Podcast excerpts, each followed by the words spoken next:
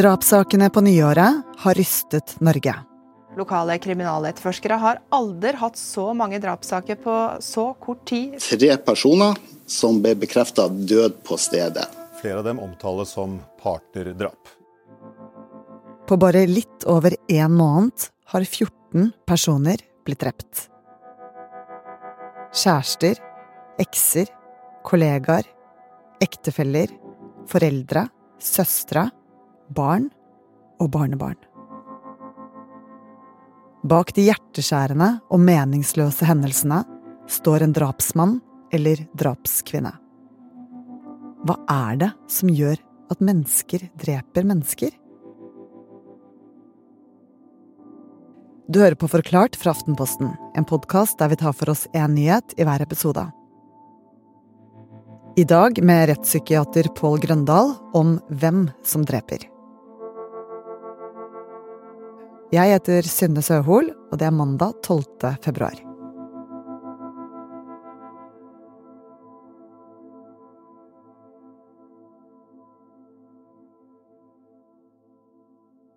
Hvis noen hadde fortalt meg dag én på studiet at jeg skulle bli rettspsykiatrisk sakkyndig, så hadde jeg stirret tomt på vedkommende og lurt på hva slags medikamenter du gikk på. Pål Grøndal har lang erfaring som rettspsykiater. Han har jobbet med kjente rettssaker som Tidligere så var det i hvert fall trikkedrapssaken, og så var det lommemannsaken, og så terrorsaken Matapour. I tillegg har han skrevet flere bøker, blant annet en som heter Om drap. Men som mye her i livet er også drapsbølgen tilfeldig, ifølge Pål Grøndal. Ja, for det første så det jo, ligger det jo da så utrolig mange tragedier bak dette her. Så, så, det er jo ekstremt forstemmende å lese om dette. Men det er en sjelden opphopning av saker. Så Det er ikke noe sånn uh, uttrykk for en sånn systematisk uh, endring i drapsmønsteret i Norge, det er jeg nokså sikker på. Er det tilfeldig? Ja, det er tilfeldig, og det vil klumpe seg i, i ulike år. Og, og, hver eneste gang vi får sånne, så tenker mange mennesker at oi, nå har det skjedd noe, nå er det en endring, nå er det flere drap enn før, nå må vi sette i gang tiltak som er helt uh, nye, annerledes. Men når vi ser på ren statistikk, så vil sånne hendelsesbølger, nær sagt, de vil komme og de vil gå. De som forsker på drap, de vil ikke si at nå har vi en ny trend. De vil bare si at det er en tilfeldig sammenkobling av drap. De høye drapstallene i januar har fått mye oppmerksomhet i pressen. Gjennom ukene på nyåret har vi kunnet lese om den ene sjokkerende og grufulle drapssaken etter den andre. Men det er en grunn til at vi følger så ekstra godt med. For bak hvert drap ligger en tragisk historie. Og så er vi veldig glad i historier, rett og slett. Vi liker å, å følge med hva andre gjør. Og så er det jo en viss fascinasjon i forhold til disse ekstremt fatale som ligger utenfor de aller, aller flestes virkelighet. Sånn man kan liksom sitte og, og, og kroe seg litt og, og, få en fornemmelse at eh, heldigvis, dette dreier seg ikke om meg. Så vi følger nok med. Hva kommer det av at noen mennesker dreper andre mennesker? Hvis vi sammenligner for eksempel drap foretatt i land som har få drap, så ser vi at det er drap i nære relasjoner konflikter mellom mennesker som står hverandre nært. Ser vi på land hvor det er forekommer mange drap, så ser vi at det er langt flere drap mellom ukjente mennesker. Da snakker vi veldig ofte mer om uh, ulike karteller, mafiaorganisasjoner, gjenger, territorium, kriminalitet, penger, makt. Så i land med høy kriminalitet og høye drapstall som for eksempel Brasil og Colombia, så kjenner ikke drapspersonen sine ofre. Men i land som Norge, hvor drapstallene er lave, er det vanligere at offeret og gjerningspersonen står hverandre nær. Så man kan si at i gåsehudene drapsmenn i, i Sør-Amerika er på en måte mer ressurssterke, mer beregnende og mer kyniske. Mens når vi da kommer til et land som Norge, som har veldig få drap på verdensbasis, så, så snakker vi om mer marginaliserte mennesker som tar liv, som en del av en sterk konflikt, og som en del av en relativt svak sosial fungering. Som rus, arbeidsledighet, opplevd mange fæle ting i barndom så videre. Ja. I fjor var det til sammen 35 drapssaker. Omtrent halvparten av dem var partnerdrap. Det er mer enn det som er vanlig. Ni av ti gjerningspersoner var menn, over 50% var påvirket av alkohol eller rusmidler, og halvparten var arbeidsledige eller trygdet. Det er lett å tenke at mange drap er knyttet til alvorlig psykisk sykdom. Men sånn er det ikke nødvendigvis. Man har en sånn forestilling om, om den gale øksemorderen. Altså, de er på en helt annen planet enn alle andre. De er så fjerne og så borte. Uh, så, og dessuten så liker vi mennesker å ha ting i kategorier, for det skaper forutsigbarhet, ikke sant? Sånn at det å tenke seg en drapsperson, det er gjerne en person med alvorlig psykisk lidelse, med en øks og som jager andre mennesker. Men sannheten? Sannheten er at eh, det er det ikke. Vi, vi regner med at rundt 20% altså hvert femte drap, gjøres av en person med en eh, såkalt eh, alvorlig psykisk lidelse. Men det er altså et mindretall av de drap som, som skjer. De, de, fleste drap skjer av mennesker som er i utgangspunktet tilregnelige, men, men har altså mye sosial ballast i bagasjen sin. Så vanlige mennesker med ikke helt uvanlige problemer. Dårlig råd, rus, en barndom preget av vold og overgrep. Og så er det drapsofrene. De som betaler prisen for andres desperate følelser. Og ofte er det de man er glad i, man også blir veldig sint på.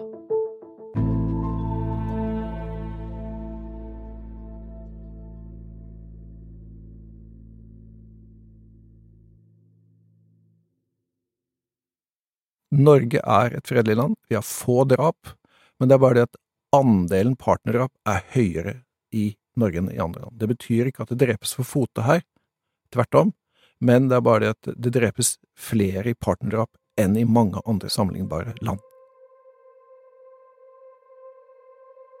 Partnerdrap er den aller vanligste drapsformen her i Norge.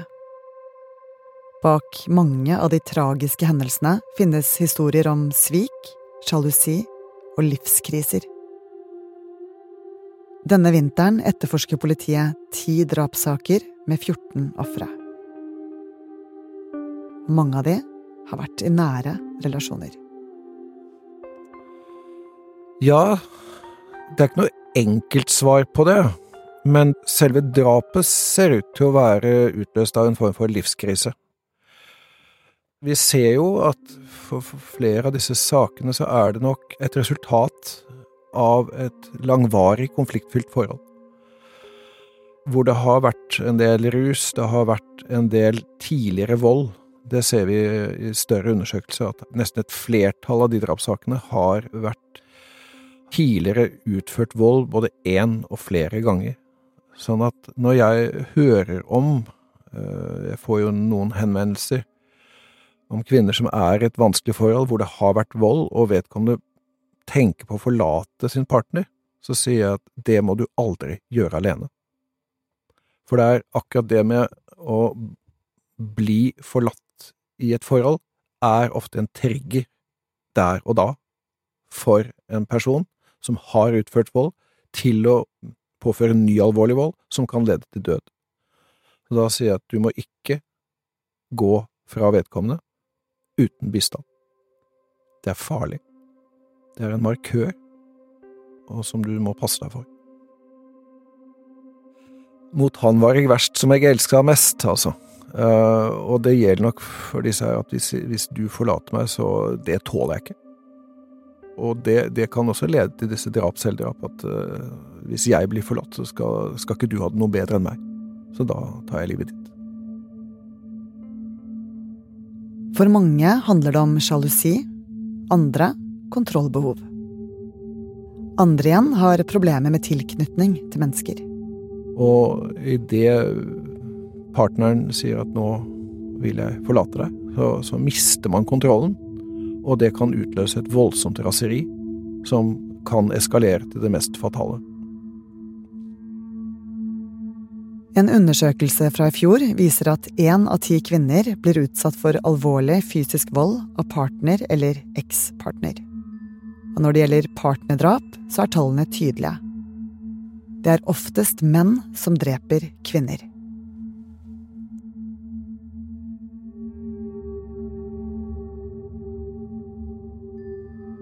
Hvorfor er det mange flere menn som dreper kvinner i partnerdrap? Ja, jeg skulle ønske det var et enkelt svar på det, men altså, menn er jo mer fysisk utrustet, for det første. Er kraftigere og sånt nå, så er det slik at sammenlignet med, med kvinner på gruppenivå, så er menn mindre verbale enn kvinner. Så kvinner kan ta det ut via ord. Og snakke ut om det, og få satt ord på følelser videre, mens en god del menn har ikke disse ordene det har nok noe med, med, med, rett og slett biologi og kjønn å gjøre, men det har nok også noe med oppvekstbetingelser, altså at gutter ikke stimuleres like mye til å bruke ord og følelser, for det er liksom litt femi, mens jentene skal uh, stimuleres til akkurat det, og så er det det at da gutta da lærer at det er kanskje litt mer sånn fysisk, det er sånn måte å, å hevde seg på er via fysikk og kontroll og være bestemt og tydelig, og så, og hvis man da har manglende språk i bagasjen, så er det vanskelig å uttrykke seg for noen på annen måte enn det fysiske.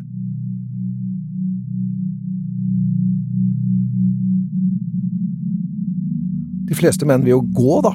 Blir sinte og gå, forlate situasjonen. Mens for andre så har de altså en historikk med hvor de har for eksempel sett foreldrene slåss. Far har slått, og så lærer da det lille barnet at å ja, det er sånn man vinner her i livet. Det er ved å slå. Og så tar de opp i seg denne historikken og, og, og, og har en læringshistorikk på at ja, når man bruker vold, så vinner man. Hvilket jo er helt totalt feil, men det er det de har lært opp til. Og det ser jeg jo ofte når jeg har vurdert mennesker i rettspsykiatrisk sammenheng. Så jeg spurte har du vært utsatt for noe, ja, mener du seksuelt, eller? Nei, jeg mente fysisk også. Hvordan var det? Nei, jeg fikk jo straff, da. Jo, hvor ofte kunne det være, da? Nei, et par ganger i uken, da. Hvordan var det, da? Hva, hva, hva, hvordan da? Nei, det var belte eller knyttnevn, det, da. Men det var bare rettferdig, da. Det var bare når jeg var sprø. Og så sa jeg, syns du synes det er rettferdig at en voksen mann slår et barn, da? Nei, men det var når jeg var gæren, da. Altså, altså de, de, sånn, de, de tror at det er sånn det skal være.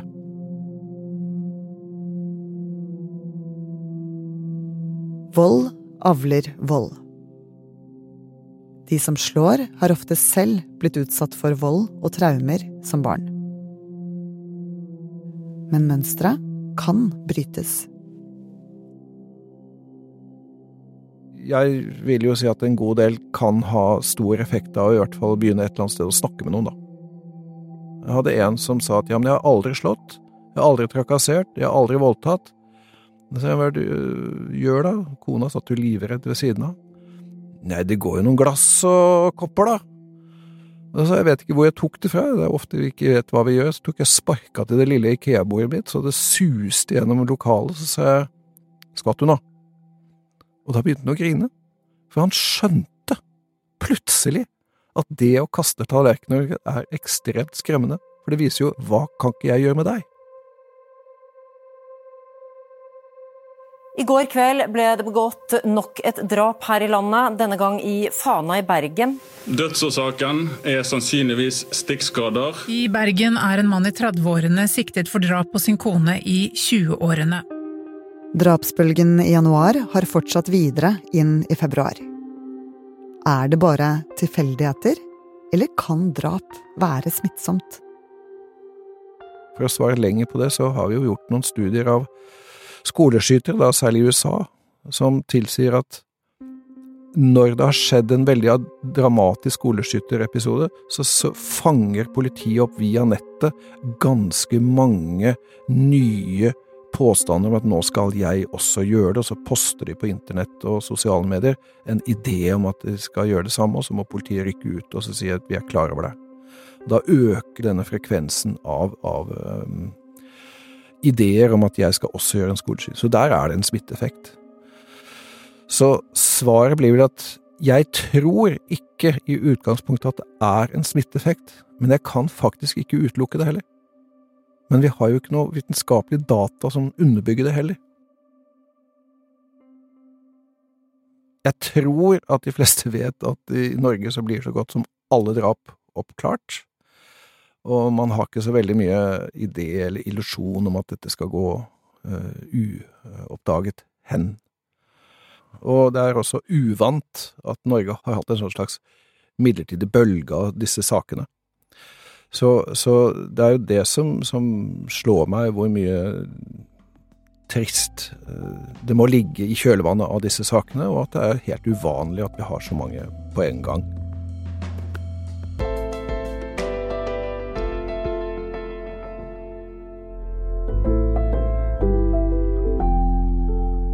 Du har hørt en podkast fra Aftenposten. Det var rettspsykiater Pål Grøndal som tok deg gjennom hvorfor mennesker dreper mennesker. I denne episoden refererer vi til to undersøkelser. Den ene er en studie om vold fra 2021 ved psykiatrisk avdeling ved Blakstad. Den andre en undersøkelse fra 2023 ved Nasjonalt kunnskapssenter om vold og traumatisk stress. Denne episoden er laget av produsent Philip A. Johannesborg, Fride Næss Nonstad og meg, Synne Søhol. Resten av Forklart er Heidi Akselsen, Olav Eggesvik, David Vekoni og Anders Weberg. Lyden du hørte er fra VGTV, TV 2, NRK og Dagbladet TV. Hvis du liker å høre på Forklart, så kan du også følge oss i Spotify. Her publiserer vi en ny episode hver ukedag, helt gratis. Og hvis du har et tips på et tema, eller ønsker å gi oss tilbakemelding på en episode, så kan du sende e-post til forklart at aftenposten.no.